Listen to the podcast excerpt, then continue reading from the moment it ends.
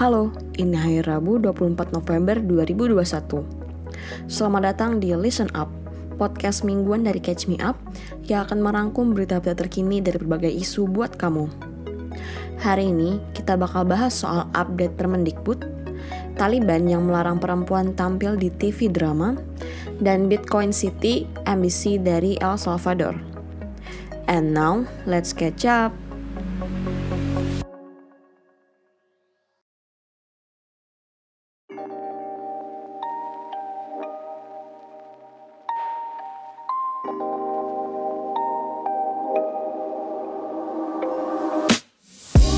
Setelah menuai kontroversi sana-sini terkait isi peraturannya, Permendikbud tentang pencegahan dan penanganan kekerasan seksual atau PPKS di perguruan tinggi udah resmi nih berlaku di kampus-kampus. Dan ternyata, seiring dengan diberlakukannya aturan ini, jadi makin banyak korban kekerasan seksual yang akhirnya berani muncul dan melapor. Hal ini disampaikan oleh PLT Dirjen Pendidikan Tinggi Kemendikbudristek Nizam Jumat lalu, yang bilang kalau pihaknya mulai banyak mendapat laporan terkait tindakan kekerasan seksual yang terjadi di lingkungan kampus. Pak Nizam juga meminta para rektor dan dekan di kampus-kampus untuk segera membentuk aturan turunan yang bisa mencegah kekerasan seksual terjadi. Oke, okay, here's a refresher. Jadi, Permendikbud PPKS ini diterbitkan oleh Mendikbudristek, panjang banget bun, Mas Nadiem Makarim pada tanggal 20 Agustus 2021. Isinya mengatur soal larangan dan penindakan terhadap kekerasan seksual yang terjadi di lingkungan kampus, hingga jenis-jenis kekerasan seksualnya apa aja. Adapun alasan Mas Nadiem menerbitkan PPKS ini untuk menangani kekerasan seksual yang selama ini sering banget terjadi dan luput ditangani oleh pihak kampus. Menurut Kemendikbudristek, peraturan ini mengatur hal-hal yang sebelumnya nggak diatur secara spesifik, sehingga menyebabkan kasus kekerasan seksual di perguruan tinggi selama ini nggak ditangani sebagaimana semestinya. Nothing sounds controversial, right? Well, wait until you meet the controversial keyword consent atau persetujuan korban. Hal inilah yang menyebabkan pro dan kontra karena dianggap sebagai melegalkan zina. Contohnya adalah turunan di aturan TPKS tadi yang berbunyi memperlihatkan alat kelaminnya dengan sengaja tanpa persetujuan korban. Terus juga membuka pakaian korban tanpa persetujuan korban dan ada juga menyentuh, mengusap, meraba, memegang, memeluk, mencium, dan atau menggosokkan bagian tubuhnya pada tubuh korban tanpa persetujuan korban. Nah, artinya kalau dengan persetujuan berarti walaupun belum nikah boleh dong buka-bukaan. Gitulah guys kira-kira. Nih, salah satunya dari Wakil Ketua Komisi 10 DPR RI fraksi PKS, Abdul Fikri Fikih. Terutama ayat 2, yeah. kemudian ada frasa tanpa persetujuan korban. Nah, inilah yang dipermasalahkan. Mm -hmm. Sehingga ketika uh, tidak ada seperti itu, seperti Permendikbud sebelumnya 82 2015, itu tidak ada masalah. Saya kira mm. semua mendukung karena ini menyelesaikan problematika. Okay. Nah, ini kan kemudian akhirnya uh, apa namanya? Kemudian muncul karena yang ini sedang diperdebatkan di DPR, iya, yaitu iya. tentang uh, yang sekarang menjadi uh, pidana seksual. Terkait frasa kontroversial tersebut, hari Jumat kemarin nih, Mas Nadiem disomasi di kantornya oleh Dewan Pimpinan Nasional Kongres Pemuda Indonesia. Organisasi ini minta doi untuk meninjau ulang frasa tersebut dalam waktu 7 kali 24 jam terhitung dari saat disomasi. Kuasa hukum Kongres Pemuda Indonesia Pitra Romadani Nasution bilang nih kalau frasa tersebut quote unquote menjadi dalih generasi muda untuk melakukan kekerasan seksual berdasarkan asal suka sama suka. Hmm. Nah, terus Menteri Koordinator Bidang Pembangunan Manusia dan Kebudayaan Muhajir Effendi juga bilang nih di hari Jumat kemarin kalau pihaknya yakin aturan ini bakal segera direvisi sama Mas Nadim sendiri. Hal ini karena emang aturannya masih ambigu, jadi ya bakal segera dikoreksi kok gitu. Nah, kalau tanggapan dari Kemendikbud sendiri sih ya, mereka masih tetap bilang kalau peraturan ini sama sekali nggak bertujuan untuk melegalisasi zina ataupun mengencourage mahasiswa buat melakukan seks bebas. Kayak yang dari sebutin sebelumnya nih, tujuan dari adanya Permendikbud ini ya murni untuk menindak tegas kasus kekerasan seksual di lingkungan kampus dan melindungi korban. Belum ada keterangan lanjutan soal revisi dari Permendikbud ini. Nah, meskipun mengalami berbagai pro dan kontra nih hingga somasi, Kemendikbud tetap berpegang teguh pada aturannya ini guys. Minggu lalu, Mas Nadim bahkan bilang kalau akan ada sanksi buat kampus yang enggak menjalankan aturan ini, mulai dari sanksi keuangan sampai diturunkan akreditasinya. Menurutnya, diberlakukannya sanksi tersebut agar kampus dapat serius menangani kasus kekerasan dan pelecehan seksual yang terjadi.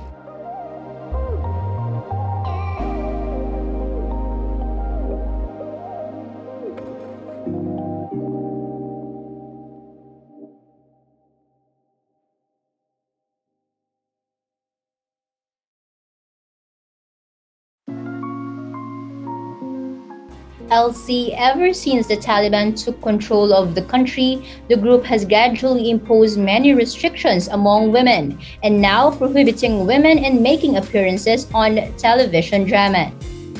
Yap, Taliban baru aja nih ngeluarin aturan baru buat media di Afghanistan dan salah satunya ngelarang perempuan buat tampil di televisi jadi aktris drama. Jadi segala bentuk drama, opera sabun, dan lain-lainnya yang mirip-mirip nih dilarang buat nampilin perempuan Afghanistan. Jadi isi ceritanya ya tentang cowok aja gitu. Aturan ini dikeluarin hari minggu kemarin sama pemerintah Taliban. Kalau katanya pihak Ministry for the Propagation of Virtue and the Prevention of Vice Taliban. Panjang banget, Besti. Ya, ini semua untuk menegakkan hukum Islam di Afghanistan dan juga menjaga kebudayaan negara tersebut. Nggak cuma itu, kebijakan ini juga mengatur soal pembawa berita perempuan di Afghanistan wajib memakai hijab di depan layar. Dan gak cuma perempuan nih yang diatur, pembawa acara laki-laki juga dibilang wajib pakai baju yang lebih proper, meskipun gak dijelasin lebih lanjut soal propernya laki-laki ini sih. Nah, kementerian juga ngatur nih soal film-film yang ditayangin di Afghanistan. Semua film yang dianggap bertentangan sama nilai Islam dan kebudayaan Afghanistan dilarang tayang di Afghanistan, of course. Nah, bahkan film internasional dan lokal pun dilarang nih kalau ngepromisiin budaya dan nilai-nilai asing. Gak cuma itu, bahkan acara komedi juga diatur sama kementerian tersebut. Acara komedi nggak boleh berdasarkan lawakan yang ngejek-ngejek orang lain dan sesama acara komedi juga nggak dibolehin tayang kalau menghina kehormatan manusia dan nilai-nilai Islam. Nah, kemudian juga ada nih soal acara televisi yang nggak boleh bercerita soal para nabi dan sahabat Rasul. Juru bicara Kementerian Hakif Muhajir yang ngasih penjelasan lebih lanjut soal ini. Kata Muhajir, ini bukan aturan, tapi merupakan guideline dalam menegakkan nilai Islam di Afghanistan di bawah kepemimpinan Taliban. FYI, banyak juga nih yang beranggapan kalau ini nggak seburuk pas Taliban berkuasa tahun 96 sampai 2001 kemarin, di mana televisi benar-benar dilarang tayang. On the other hand, Taliban hal satu kemarin bilang kalau mereka bakal mulai bayarin gaji-gaji para PNS-nya yang belum kebayar sejak tiga bulan kemarin pas Taliban awal-awal berkuasa. Ribuan PNS banyak yang gak kebayar sama sekali nih gajinya. Soalnya Taliban gak punya uang karena aset-asetnya dibekuin di Amerika Serikat dan presiden sebelumnya dikabarkan bahwa kabur banyak uang negara. Sampai sekarang sih belum jelas gimana ceritanya Taliban bisa punya uang buat ngelunasin gaji-gaji PNS-nya. Cuma mereka bilang kalau mulai Sabtu kemarin, gaji mereka bakal dibayar full dan lunas.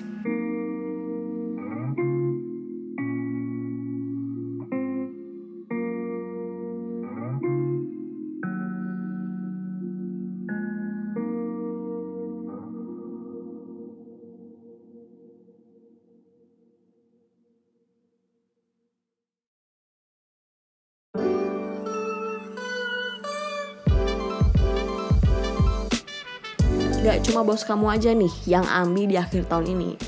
Tapi negara di Amerika Latin juga punya planning yang ambi banget, yaitu pengen bikin Bitcoin City pertama di dunia.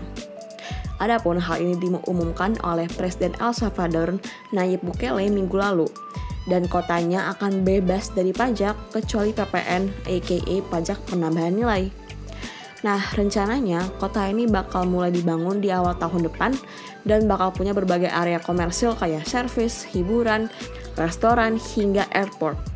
Mau dengar keseruan dari launching Bitcoin City yang bertema hashtag Feel the Beat? Nih, dengerin nih guys.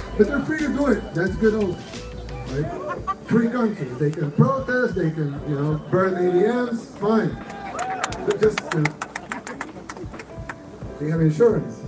Yeah, you can burn all, all of them. Don't worry. And, well, so we, it took us like June, July, August, September. It took us like four months to orange coat everybody.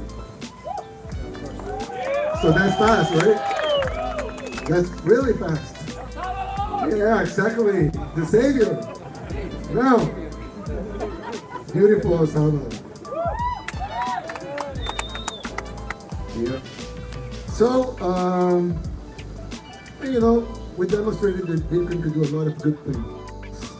You know, in this conference, in, in, the Bitcoin, in the Bitcoin, Latin American Bitcoin conference, they sold some surfboards. Surfboards, yeah. And they sold it at eleven thousand, seven thousand dollars, and all that money was going to the children's hospital.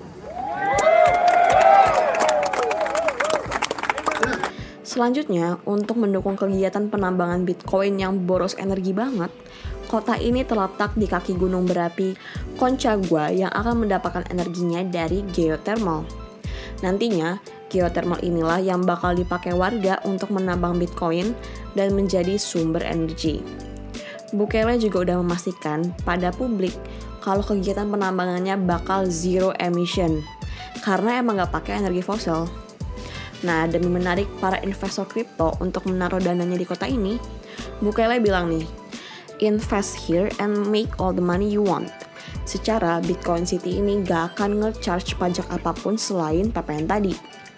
Gimana para hodlers? Tertarik nggak?